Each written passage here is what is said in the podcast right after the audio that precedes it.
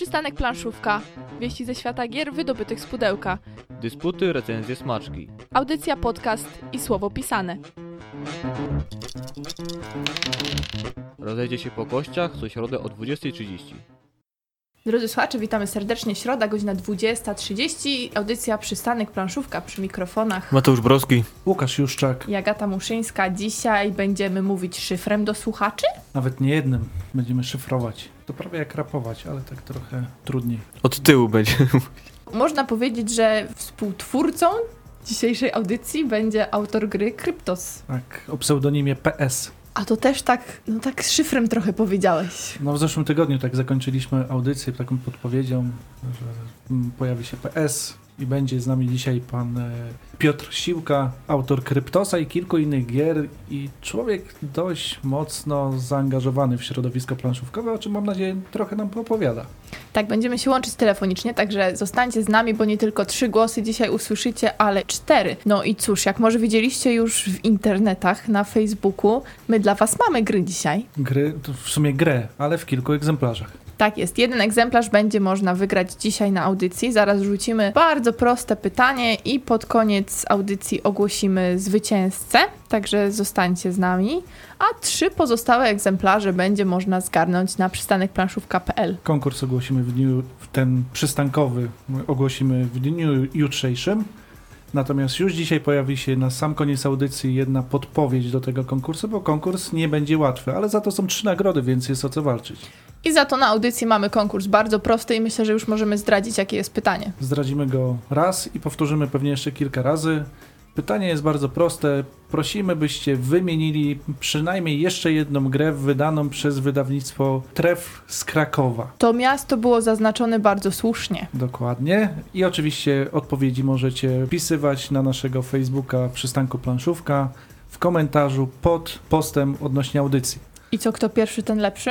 Nie, wybierzemy po prostu. Dobrze, to zmieńcie profilowe, żeby było bardzo ładne, bo nie wiem, jak Łukasz ma zamiar wybierać. A na chybił trafił, jak w totolotku. Dobrze, to zapraszamy do konkursu. Dzisiaj przez godzinę jesteśmy z Wami. Cztery głosy. Mateusz, Łukasz, ja i Pan Piotr. Za chwilę newsy. Co nowego, Łukasz, planszówkowego się wydarzyło ostatnio? Jak zwykle sporo rzeczy. Ten polski świat planszówek już chyba na stałe stał się takim dynamicznym światem, w którym wydawcy niejednym nas zaskakują. No i zacznę dość nietypowo, bo zacznę od ogłoszenia o pracę, ponieważ pojawiła się oferta pracy w wydawnictwie Portal, który ma w sumie dla Was dwie propozycje. Szukają osób na stanowiska community managera oraz sprzedawcy. Czym byś miał się zajmować na tych stanowiskach? Na pierwszym budowaniem sieci kontaktów pomiędzy fanami i portalem, na drugim promowaniem i sprzedażą gier w różnych rejonach kraju. O oczekiwaniach względem kandydatów przeczytać możecie na stronie portalgames.pl, więc jeżeli jesteście z Gliwic i okolic, szukacie pracy, może to jest dobra okazja, żeby, żeby po prostu spróbować. Mateusz, ty nie jesteś z Gliwic i okolic, ale po tym, jak się ostatnio zapętliłeś w 51 stanie, to może czas aplikować na takie stanowisko. Nie, bo potem będzie, że psuje gry. Nie, bo potem nie będzie z kim audycji prowadzić. Wy musicie zostać w Bydgoszczy. Dobrze, zostajemy. Nie dałem się- dużo prosić. Cieszę się. Bardzo mnie to cieszy. Jeżeli projektujecie gry planszowe, to kolejna dobra wieść dla tych, którzy chcą robić coś więcej niż grać. Galacta ogłosiła kolejną edycję konkursu dla autorów gier do wygrania 1000 zł w postaci bonów na zakupy w sklepie wydawnictwa, a w przypadku wyjątkowo dobrych y, prototypów możliwość wydania gry. Przewidziane są trzy kategorie: science fiction, czyli ataki obcych, bazy kosmiczne, pojazdy, jakieś obca planeta fantazy, czyli wszel wszelka magia, smoki i inne dziwne stwory oraz dowolny temat, ale Galakta zastrzegła, że nie szukają gier dla dzieci, gier w pełni kooperacyjnych, co w pełni rozumiem, gier o tematyce sportowej, quizowych, szkoleniowych, edukacyjnych, logicznych, bez warstwy fabularnej. Twoje prototypy można nadsyłać zarówno planszówki, jak i karcianki, choć preferowane są planszówki, a szczegóły na stronie wydawnictwa, czyli www.galakta.pl. Trwają eliminacje do Mistrzostw Polski w Domek. W najbliższym, w najbliższym miesiącu odbędą się one w Suszu, Zielonej Górze, Dąbrówce, Ostrudzie, Częstochowie, Wrocławiu, Gdyni, Bochni, Lubartowie, Wrocławiu i Rzemieniu. 30 ton lista lista. Prawda, że dużo tego, a będzie jeszcze więcej. Na szczęście jeszcze na jednym wdechu udało mi się to powiedzieć. Zobaczymy, czy będzie jakaś audycja, gdzie mi się to nie uda. Po polsku ukaże się kolejna z gier z, z cyklu Wsiąść do pociągu. Będzie to pierwsza podróż, czyli wersja dla młodych graczy, która zawiera mapę Europy ze skróconymi trasami oraz charakterystycznymi ilustracjami dla każdego z miast, czyli będziemy mieli mały wątek edukacyjny. Dzięki temu, że mapa jest mniejsza, skróci się także czas rozgrywki do 15-20 minut, co w przypadku dzieciaków jest bardzo ważne, by nie odeszły znużone ze stołu, o, od stołu. Myślę, że nie jeden rodzic y, powinien wpisać już ten tytuł na listę prezentów. Jednak ostrzegamy, na grę przyjdzie nam czekać przynajmniej do maja. E, Wydawcą jest podobnie jak w przypadku Domku, Rebel.pl, także więcej szczegółów na stronie wydawnictwa. Natomiast z takich bardziej bieżących premier, w tym tygodniu nakładem wydawnictwa Hobbity ukazać się ma trudne słowo reimplementacja jednej z gier Stefana Felda. O gier, z grach Stefana Felda już tutaj się trochę rozpływaliśmy. Mamy wielkich fanów tutaj w studio. Ta gra niegdyś nosiła taki wdzięczny tytuł, a raczej dźwięczny Speichstadt. Teraz będziemy ją mogli zakupić e, pod tytułem Jorvik. Prawda, że przyjemniej? E, Natomiast akcja toczy się podczas ekspansji, e, ekspansji wikingów, którzy dotarli aż do Anglii. No i tam w Anglii założyli osadę, którą nazwali Jorvik. Gracze wcielają się w rolę jarlów, a ich celem jest bogacenie się i rozwój osady. Jorvik zawiera dwa warianty rozgrywki, dzięki czemu bezboleśnie mogą w niego się wdrożyć mniej zaawansowani gracze, co w przypadku gier Stefana Felda jest, myślę, dość dobrym rozwiązaniem. A do tego to nowe wydanie jest wzbogacone od razu o dodatek, który w, w pierwszej wersji był dość trudno dostępny, więc fani z pana Felda na pewno się ucieszą z tego, że pudełko jest większe. A czy reimplementacja wyjdzie na dobre, no to już mam nadzieję niedługo ocenimy. Jakoś ci wikingowie naprawdę mocno wkroczyli w ostatnim Mhm. roku. Nie? Tak się wydawało, że będzie Mars, Mars, Mars, a tu jeszcze wikingowie. Jeszcze w marcu ma się ukazać nowy dodatek do gry Cyklady, noszący tytuł Monumenty. On wprowadza do rozgrywki 10 nowych obiektów, z których każdy posiada wyjątkowo długotrwałą właściwość.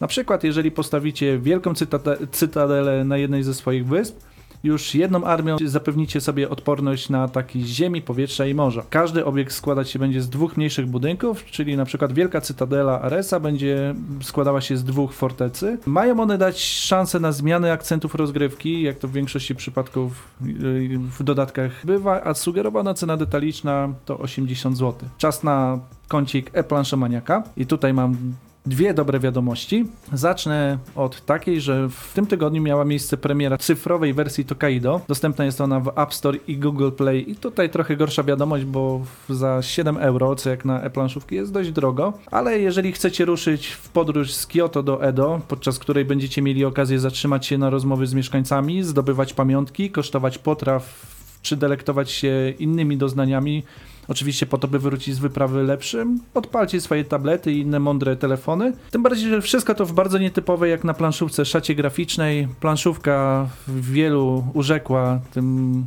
takim surowym wykonaniem, surowym, ale bardzo przejrzystym. Aplikacja jest utrzymana w bardzo podobnym klimacie. Asmodee Digital uraczyło miłośników e-planszówek kilkoma promocjami.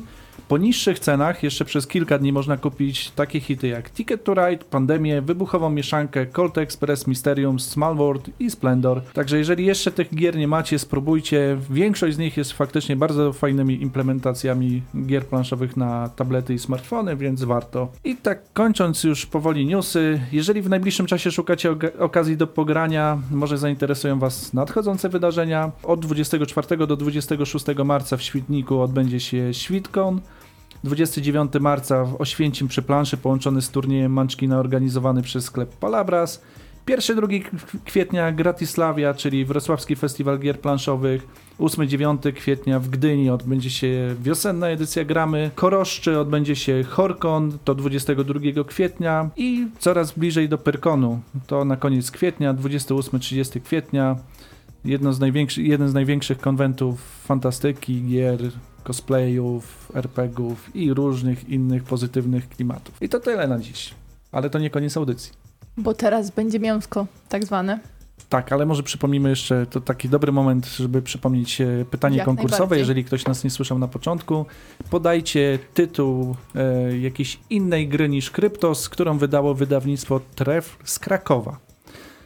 Odpowiedzi w, możecie wpisywać na naszym fanpage'u pod zdjęciem za- ogłaszającym, że rozpoczynamy tą audycję. Mamy jeden egzemplarz, a potem trzy egzemplarze. To już będzie taka trochę trudniejsza sprawa. Będzie trzeba pewnie szyfrować albo odszyfrowywać, ale to powiemy Wam na koniec. A tymczasem przenieśmy się w te kryptologiczne klimaty. Jak grać w kryptos, Mateusz? Przybliżysz nam trochę? A trochę mogę, a to będzie trochę zaszyfrowane. Czyli jak zwykle zasady, no to trzymamy się pewnego poziomu. Ale postaram się trochę to odszyfrować. Wydawnictwo Trefl Jokerline. Autorem oczywiście jest Piotr Siłka, którego niebawem zawitamy na antenie. Od 8 lat dla 3 do 6 graczy przeznaczamy około 15 minut. Powinniśmy się wyrobić z odszyfrowaniem, musimy być szybcy. Co znajdziemy w środku w pudełku? Znajdziemy 48 kolorowych kart, unumerowanych od 1 do 48 w czterech kolorach. Znajdziemy też 6 kart punktacji, 48 żetonów i przezroczystych pchełek w czterech kolorach, po 12 na kolor. 6 znaczników punktacji oraz y, planszę toru kodu. Jaki jest nasz cel w ogóle w tym naszym kryptosie? No wcielamy się w szpiega działającego w wywiadzie. Musimy zamać kod przed innymi szpiegami. Zwycięży ta osoba, która za poprawne odszyfrowanie wiadomości przeciwników zdobędzie co najmniej 15 punktów. Musimy się do tego też przygotować. Więc jak zacząć grać? Rozdajemy każdemu z graczy po karcie punktacji. Pierwszy gracz otrzymuje egzemplarz z wielkim żółtym X w tle, który Łukasz w końcu znalazł. Na start każdy z graczy otrzymuje po dwa punkty, które oznacza odpowiednio ustawiając swój żeton punktacji. W zależności od ilości osób biorących udział w grze, należy odłożyć odpowiednią ilość kart do pudełka oraz rozdać adekwatną liczbę kart każdemu z graczy. Dla przykładu w grze, gdzie udział biorą 3 osoby, używamy kart z numerami od 1 do 32 i rozdajemy po 10 kart na gracza. Pozostałe dwie karty kładziemy obok toru kodu. Każdy z gracz układa w sekrecie na swojej ręce karty rosnąco od lewej do prawej. Wszyscy dobierają taką ilość kolorowych przezroczystych żetonów, ile mają w danym kolorze kart na ręce. Na przykład posiadam na, na ręce dwie zielone karty, dobieram dwa zielone żetony. W kolorach żetonów przeciwnicy powinni cały czas wiedzieć, ile po prostu mamy kart danego koloru na ręce. W grze dla trzech osób dwa żetony pozostają na stole. Odpowiadają one kolorom dwóch nierozdanych kart. Następnie gracz siedzący po prawej stronie od gracza rozpoczynającego, tego co miał X na karcie, odsłania jedną ze swoich kart. Wykonuje to odkrywając z tyłu naprzód kartę, by y, bez zmiany kolejności jej trzymania na ręce. Po ujawnieniu karty umieszcza on swój żeton w kolorze karty na torze kodu, zakrywając odpowiedni numer. Gracze po kolei odkrywają swoje karty i zasłaniają liczby kolorowymi żetonami, aż każdy odsłoni po dwie karty. No i możemy zacząć łamanie szyfrów. Jak wygląda tura gracza? Odbywa się ona zgodnie z ruchem wskazówek zegara. Gracz ma za zadanie wskazać jedną z zakrytych kart na ręce wybranego przez siebie przeciwnika i odgadnąć jej wartość. Jeżeli mu to się powiedzie, otrzyma 3 punkty. Jeśli nie, może zapłacić jeden punkt, by ponowić próbę. Nie ma już trzeciej próby.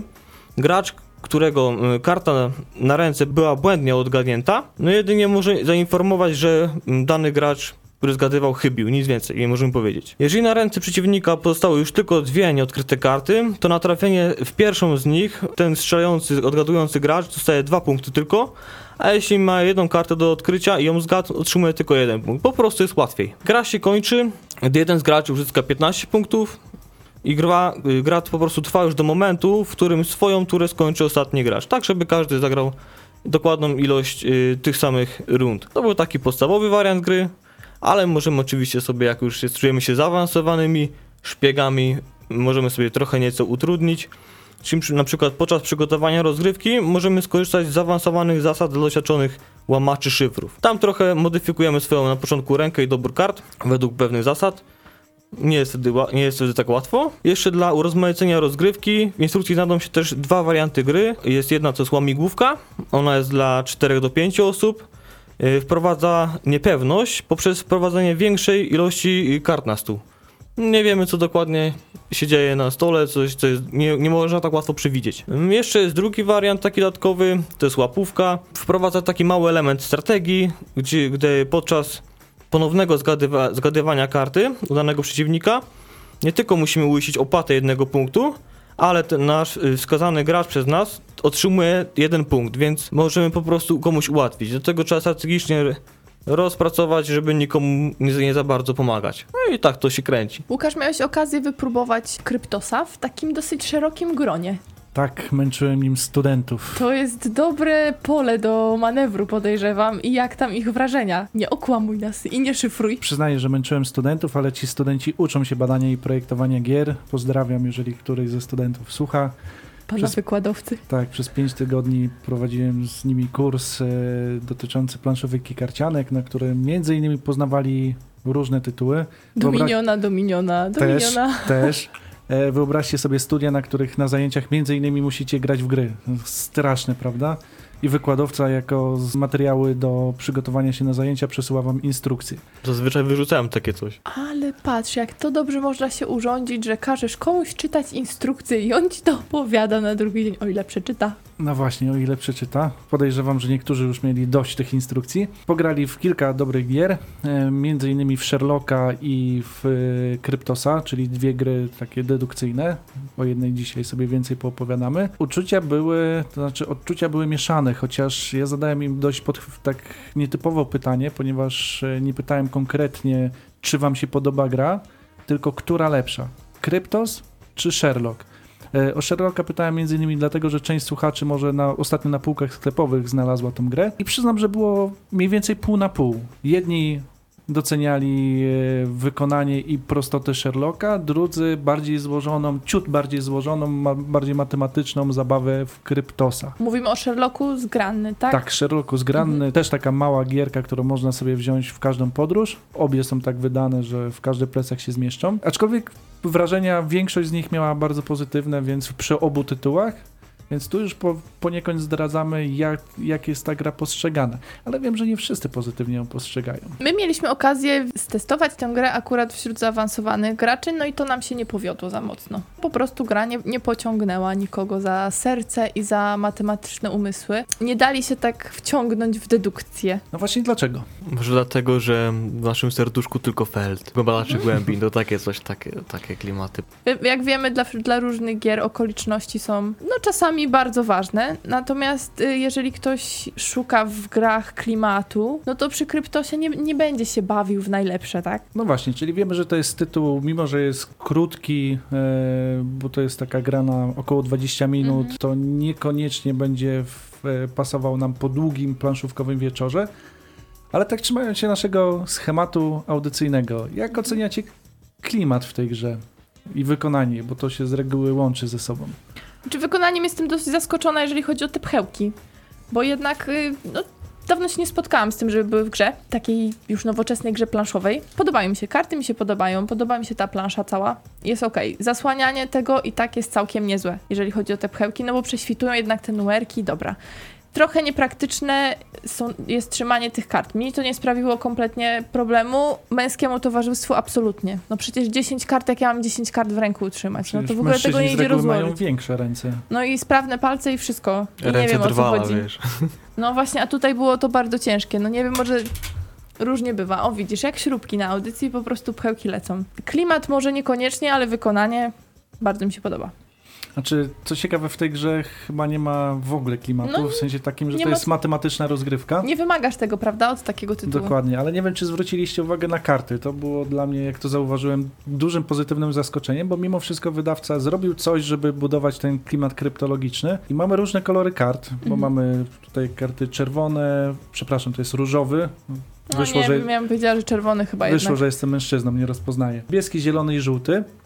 Natomiast co ciekawe, na każdych z kart są e, pieczątki i napisy w innym Mhm. języku. Początkowo tego w ogóle nie dostrzegłem, natomiast faktycznie tak jest. E, mamy wywiad amerykański, podejrzewam, bo to top secret, niemiecki, jakiś rosyjski i chyba francuski. Także jakieś takie elementy budowania klimatu jak najbardziej są. Do tego nowa edycja ma nową okładkę, która myślę, że się fajnie rzuca w oczy. Pokazuje ten taki klimat e, szyf- odszyfrowywania jakiejś tajemnicy, która jest skryta w pudełku. No i w nowym wydaniu też jest krótka wkładka, taka historyczna, m, dzięki patronom tego wydania, także można od razu zajrzeć. Też jest e, pewna niespodzianka dla graczy w postaci pewnego szyfru, który znajdziecie w pudełku. A czy go uda wam się rozszyfrować, tego to już nie wiemy, musicie sami spróbować. Bardzo też miłym dodatkiem jest to, że instrukcje są w trzech językach. I to w sumie nieprzypadkowo, bo niemiecki, a, bo trzeba było te niemieckie szyfry odgadnąć. No i też w języku angielskim, no bo tam się Polacy podzielili wiedzą o kryptologii z aliantami.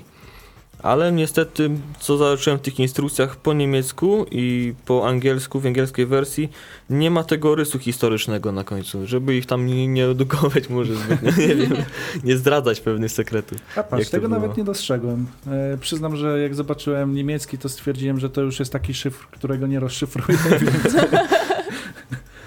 obcy wywiad mnie przerasta. Jest jeszcze coś, co wspomniał Mateusz e, opowiadając o zasadach, czyli tajemniczy X. Tutaj taka mała anegdotka. Kiedy czytałem instrukcję, tam w instrukcji jest napisane, że rozpoczyna gracz, który ma na swojej karcie punktację X. Zacząłem przeglądać tą, te karty z jednej strony, z drugiej strony, potem dalej, bliżej, potem stawię, przykładając je do siebie, czy może wtedy zobaczę jakąś różnicę. Za nic w świecie nie szło tego doszedł, więc poszedłem do żony, która jest zazwyczaj o wiele bardziej spostrzegawcza niż ja, rozpoznaje barwy i tak dalej. No i pokazuje, no słuchaj Basia, gdzie tu jest X? Szuka, szuka. No i tak stwierdziliśmy, pewnie jakiś bug w wydaniu, no zapomnieli Mhm. dać Xa. Jak się okazało, wczoraj właśnie jedna ze studentek zwróciła mi pod koniec zajęć uwagę, a o co chodzi z tym X-em? No i jest X i ten X jest prawie na połowę karty i ja tego nie dostrzegałem. Może te cienie wokół niego są jednak zbyt mało podkreślone jak na męskie oczy. Ja powiem szczerze, też się nie przyglądałam. Albo próbowałem szukać czegoś tak ukrytego, że No, najciemniej pod latarnią. zgadza się. Ale ja bym jeszcze wróciła do tej kwestii językowych y, i tego wydania, no pozostając już właśnie w tym temacie, że to, że nie ma tam dużo treści na kartach w zasadzie prawie wcale, a, a liczby są uniwersalne, to to nam robi grę, która nie jest zależna językowo. No Super. tak, bo tylko instrukcja i Z studentami z Erasmusa też byś mógł zagrać w Kryptos. Mhm. Doskonale. Czyli co, dla kogo to jest gra? Znaczy na pewno nie dla wszystkich, natomiast po moim głosie pewnie słychać entuzjazm. Dawno nie grałem w gry dedukcyjne i ostatnio wpadł w moje ręce Sherlock, e, o którym może kiedyś jeszcze opowiemy, i wpadł Kryptos. I obie sprawiają mi dużo przyjemności, w sensie takiego filerka, że siadam przez 15-20 minut, mam taki nie za trudną, ale mimo wszystko wymagającą jakiegoś myślenia rozrywkę. To nie jest bezstresowe rzucanie kośćmi, Mhm. E, To jest krótka chwila takiej analizy, ale nie jakoś przekombinowanej. Myślę, że więcej osób będzie więcej kombinowania, jednak trójka to trochę mało, bo no, zbyt oczywiste się to staje. Co, ty, mam wrażenie, że przy szóstce już pełen skład to, to jest ta gra, gdzie pełen Mhm. skład faktycznie się przydaje. Tak, i gra niestety jest podatna na lekki downtime. Jeżeli macie osoby, Mhm. które bardzo dużo analizują, to faktycznie, mimo że mamy tutaj mało takich informacji, w sensie mamy cyfry, mamy kolory, Mhm. czyli patrzymy, kto jakie ma pchełki przed sobą, jakie pchełki już są na planszy zaznaczone, co faktycznie pomaga w analizie tej sytuacji przy stole, szczególnie właśnie w 5-6 osób. Natomiast jeżeli ktoś dużo myśli, może się czasem zawiesić, ale mimo wszystko gra nie powinna trwać więcej niż 20 minut. Panuje z reguły cisza nad stołem. Każdy myśli, myśli, myśli, bo tutaj nawet nie w swojej turze można myśleć. Także to jest też fajne. Może ktoś już zgadnie to, co ty chciałeś od dawna zgadnąć u kogoś i wskazać to palcem, No tak, a wtedy- tu już niestety. Wtedy już trzeba wdrożyć plan B, ale dobry kryptolog e, nigdy się nie poddaje. Wtedy musi wszystko przeliczyć. Czyli nie nastawiacie się na klimat, nie nastawiacie się na negatywną interakcję i inne takie e, sprawy związane z grami, gdzie faktycznie tego klimatu trochę jest. Natomiast jeżeli dedukcyjnie chcemy sobie trochę pomyśleć, znaczy ja nawet bym powiedziała, że no jakbyśmy chcieli filerka, ale to jednak filerek też Znaczy to nie jest typowy Nie filerek. jest, Tutaj nie no. będziemy słuchaczy okłamywali. No, filerki Mhm. zazwyczaj pozwalają na śmiechy, chichy i w ogóle radość przy planszy. Tutaj no niestety częściej jest, y, tak, to znaczy niestety, mi akurat to się Mhm. spodobało, ale ja lubię Dominiona. Haha, Eee, wszystko porównaj do Dominiona. E, Jest raczej takie właśnie my, myślenie, cisza przy planszy, ale to jest przyjemne, no mówię. U mnie jest entuzjazm, e, jak słuchaczom będę polecał, tym bardziej, że to jest przykład gry w niedrogiej, która mimo wszystko ma w pudełku coś. Jest ładna.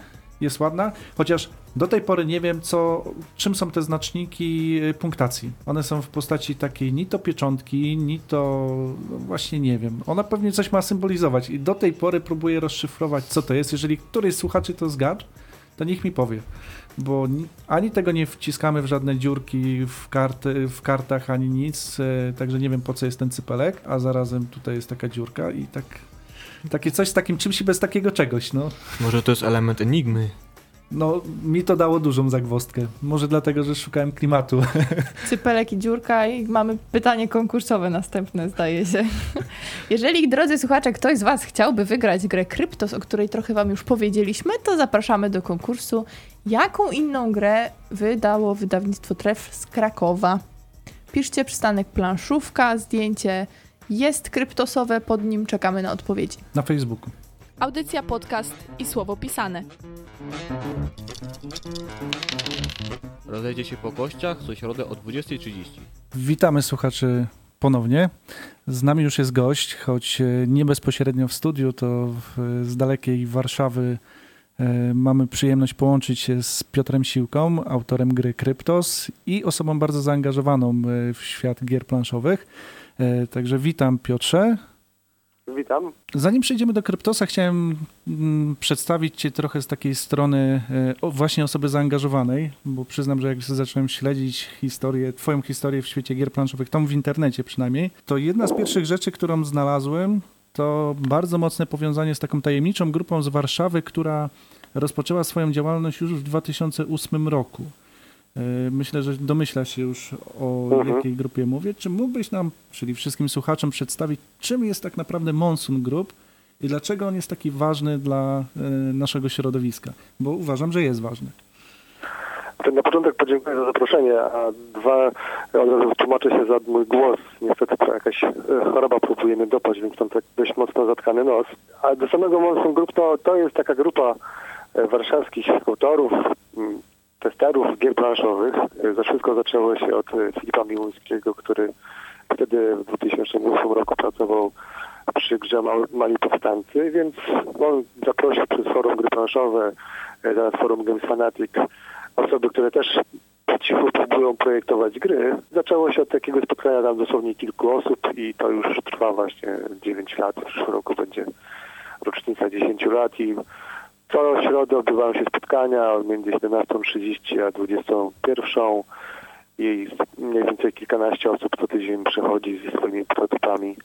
Więc tam zawsze przynajmniej w te parę, kilka, nawet czasami nawet kilkanaście gier osoby grają i wymieniają się różnymi uwagami, co można poprawić, czy projekt jest do wyrzucenia, czy, czy obiecujący, czy też nie. Możesz powiedzieć, czy macie już jakieś sukcesy, w sensie tutaj jako sukces rozumiem gry, które przeszły przez wasze e, krytyczne oko i które stały się mm, jakimiś rynkowymi hitami? Znaczy, no, przez te 10 czy- czy 9 lat niecałe e, przewinęło, wydaje mi się, że tam kilkaset osób, myślę, że tam 150 pewnie, e, z takich stałych uczestników jest w tej chwili około e, 20 paru osób, którzy tam przychodzą w miarę jakoś regularnie. No i rzeczywiście ostatnio nawet mamy nową stronę internetową, na którą zapraszamy, monsundgroup.pl. E, No i tych, jak zrobiliśmy listę aktualną, bo aktualniliśmy listę gier, które w sumie wszyscy wydali, to uzbierała się ponad 50 tytułów. z- Na, na czele z właśnie z największym hitem Polski eksportowym póki co, czyli kolejką e, Karola Madaja.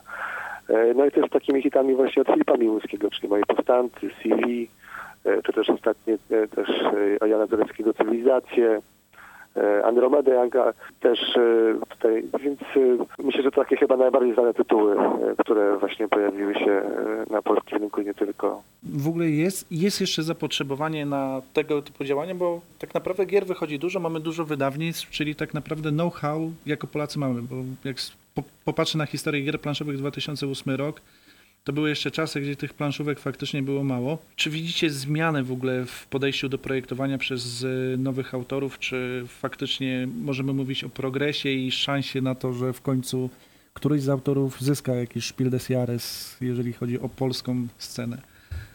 Na pewno widać progres w takim sensie, że jest większa liczba osób, e, bo na początku dosłownie było 5-6 osób, które jakoś tam systematycznie się spotykało.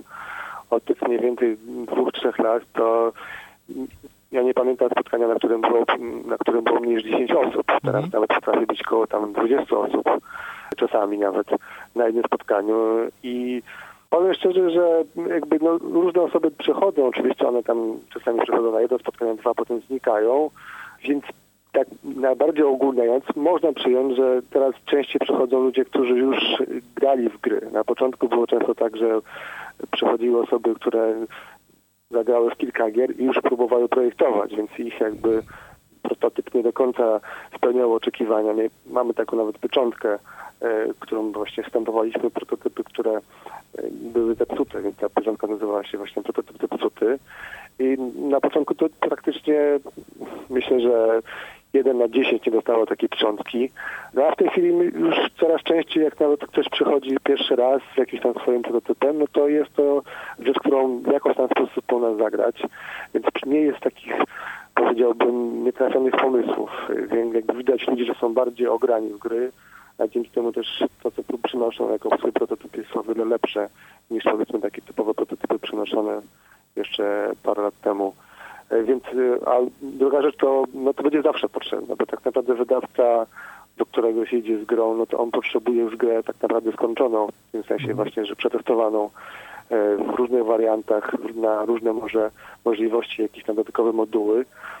On jakby potem to szlifuje, oczywiście mm, zależy to od projektu, ale zazwyczaj jest tak, że wydawca chce mieć już ten produkt gotowy, w cudzysłowie produkt gotowy i on tylko daje grafikę, testuje ewentualnie jakieś tam dodatkowe ostatnie szlify, instrukcje na przykład też pisze na nowo i tam poprawia ją.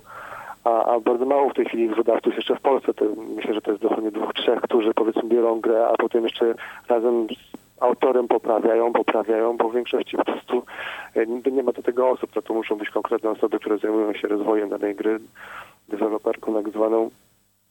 E, I to wymaga po prostu dużo czasu, ale dlatego e, Zresztą to widać też, że e, po jak się zajrzy na forum e, Game Fanatica, że takich grup, które właśnie wzajemnie sobie testują gry jest coraz więcej. Mhm. Zresztą na Wspieram to też już dwa razy była edycja e, takiego obozu właśnie, gdzie spotykają się projektanci i projektują gry e, przeprowadzonego przez Krzysztofa Szafrańskiego.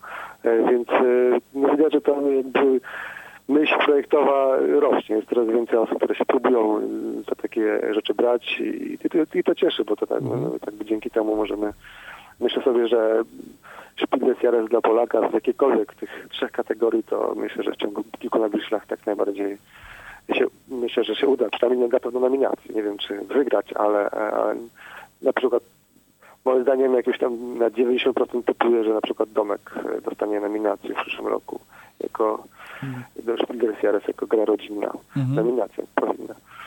No trzymamy kciuki za Rebela, żeby faktycznie tak było, bo tytuł w, w tej kategorii gier familijnych jak najbardziej bardzo udany. E, Dokładnie. Też tak uważam.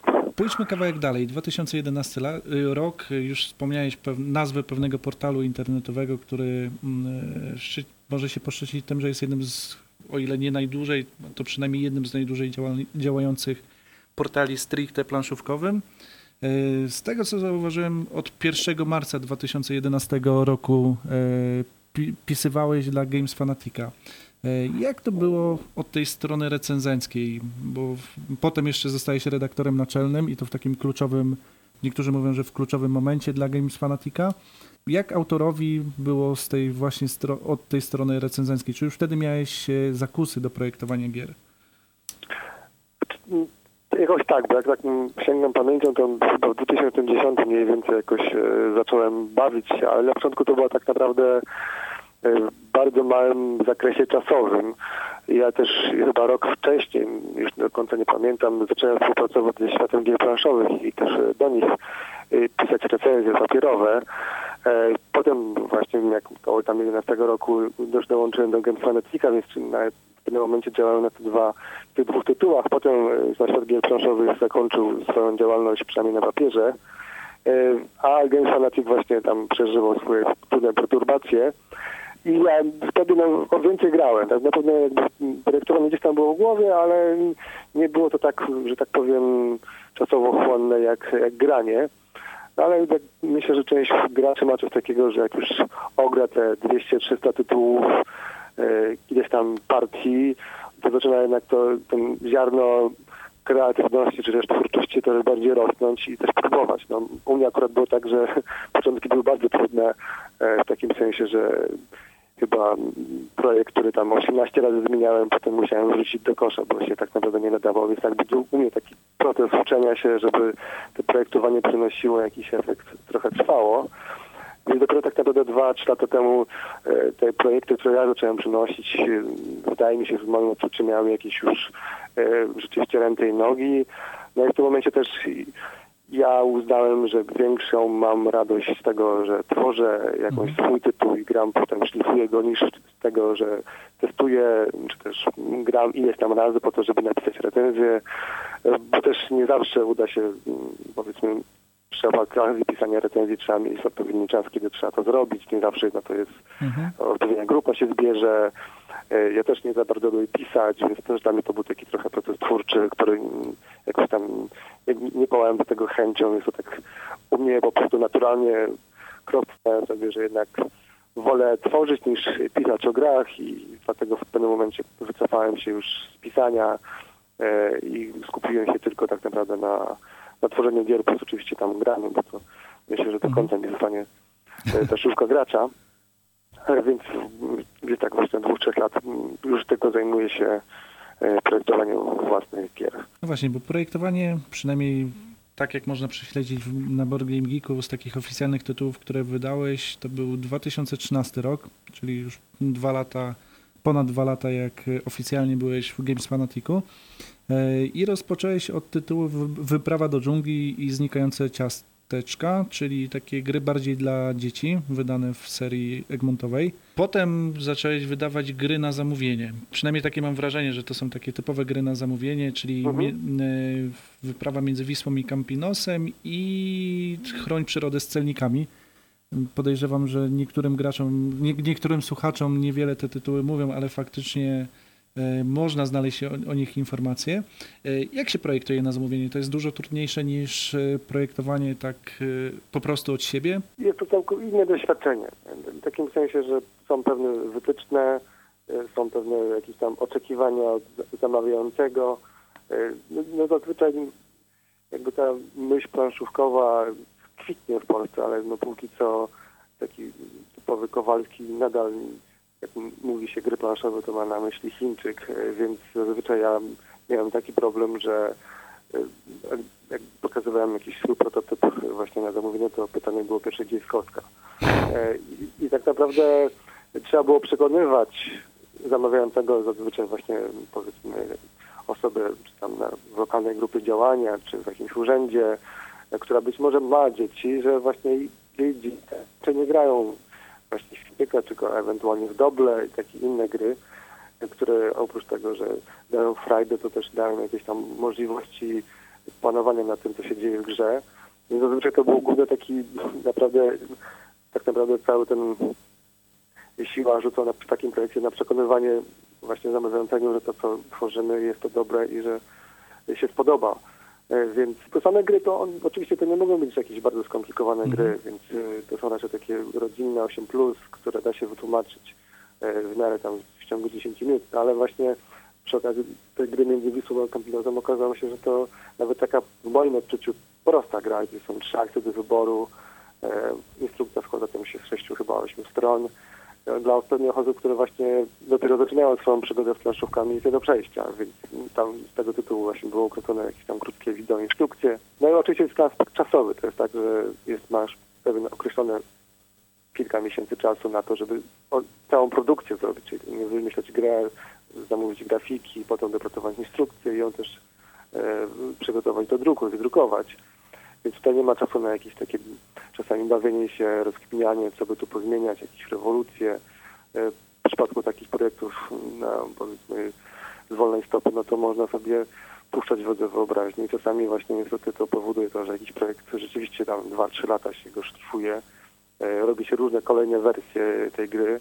E, No i to też to czasami jest niedobre, więc tutaj trzeba taki złoty środek znaleźć. Mhm.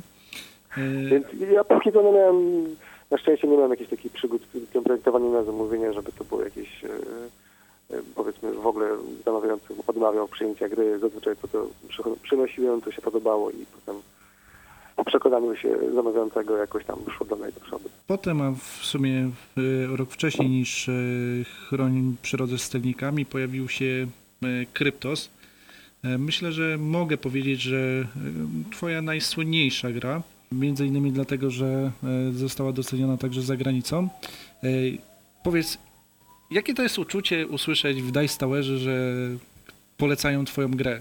Nagle gra z Polski trafia trafia, trafia do Dice Towera, do mm, jednego z bardziej uznanych portali recenzenckich, czy też platformy, bo oni już dużo szerzej działają niż tylko w, na YouTubie. I tutaj rekomendacje, jeżeli chodzi o ten tytuł.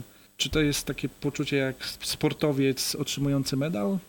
Na- to uczucie to ja powiem szczerze, jeszcze czekam. Oczywiście mm, apetyt rośnie w miarę jedzenia, więc y, ja cały czas mam taką mm, w głowie tego, taką grę z dużym pudełkiem, przynajmniej właśnie e, jak cywilizację, e, już nie mówię o większym, więc e, oczywiście jest radość, oczywiście jest jakieś tam poczucie zadowolenia i, i, i że, że rzeczywiście tam recenzent Garcia już nawet parę razy gdzieś tam polecał przy okazji różnych y, top ten, więc cieszy mm, oczywiście i tak naprawdę człowiek już wtedy chce jeszcze więcej, czeka na to, żeby jak najszybciej no, kolejny dobry, mam nadzieję, udany tytuł też trafił gdzieś tam na szersze wody i doczekał się y, różnych międzynarodowych wydań, bo to też jest jakiś tam wyznacznik sukcesu. No, póki co Krytus na razie się ukazał w tej wersji w trzech językach, ale to chyba to jest polska wersja, ale mam nadzieję, że też na jakieś inne zagraniczne rynki jeszcze wypłynie przy tym nowym właśnie wydaniu, bo rzeczywiście wygląda dobrze ładnie. A Będzie można liczyć na wariant dla dwóch graczy. Gdzieś tam na forum wyszparałem, że takie zakusy były. E, Tak, czy- w ogóle. Mhm. Mhm. Y, Tak, wariant dla graczy został przygotowany nawet przed y, tym drugim wydaniem, tylko niestety ze względów ekonomicznych nie trafił do pudełka, bo wymaga dodatkowych żetonów. E, Więc y, umówiliśmy się z wydawcą tak, że po prostu będzie do ściągnięcia w wersji online w trybie print and play, czyli można, sobie wydrukować, wyciąć te żetony e, i po prostu zagrać w dwie osoby. E, e, Jakby tutaj w tym wariancie kompletnie to trochę inaczej wygląda, bo tak naprawdę e, gracze mają żetony, gdzie padają pytania na przykład trochę właśnie takie matematyczne, czy twoje liczby są podzielone przez trzy i gracz przeciwnik informuje, ile takich liczb ma e, i takich żetonów z różnymi działaniami jest tam kilkanaście. Też jest mechanizm, który pozwala jakoś tam kontrolować, które żetony z, znikają bardziej lub mniej. A dodatkowo jeszcze powiem, że mam nadzieję też, że będzie nowy wariant e, dla graczy e, od 3 do 6. E, Też został jakoś tam opracowany ostatnio. Przesłany do wydawcy. Mam nadzieję, że się spodoba i też w wersji Play będzie można zagrać. I wtedy w tym nowym wariancie akurat e, od 3 do 6 graczy. E, on wtedy niestety trochę gra jest dłużej trwa, bo e, nie gra się w kółeczko, tylko gra jest sam w takim sensie, że gracze po kolei zgadują zgodnie ze wska- ze wskazówkami zegara, tylko że w każdej turze gracze po kolei jakby licytują się punktami zwycięstwa, czy chcę być pierwszy, czy mogę w tej danej rundzie zgadywać ostatni. Mhm. Więc Czyli- to wprowadza jakiś dodatkowy element takiej, powiedzmy, oce- oceniania, na ile moja wiedza jest cenna i wiem, że zdobędę teraz dużo punktów, więc mogę zaryzykować i dać dwa punkty, powiedzmy, żeby zdobyć sześć, bo wtedy się zdobywa sześć w tym nowym wariancie. Czy też moja wiedza na chwilę obecną w tej rundzie jest dość kiepska, więc ja nie będę wychylał, zobaczę, jak inni się tam wystrzelają z jakichś pomysłów i ja nic nie daję, daję zero punktów i będę ostatni, a może dzięki temu zdobędę sześć punktów. Czyli potwierdza się to, że autor nawet po wydaniu gry cały czas o niej myśli, cały czas znajduje coś, co można jeszcze ulepszyć. E, Oczywiście.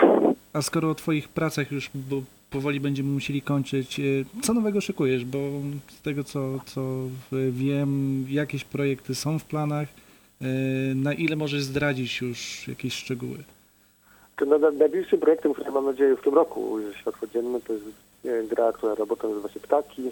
Jest, dotyczy dokarmiania ptaków zimą. Mam nadzieję, że kampania na Wspieram to będzie właśnie na jesieni.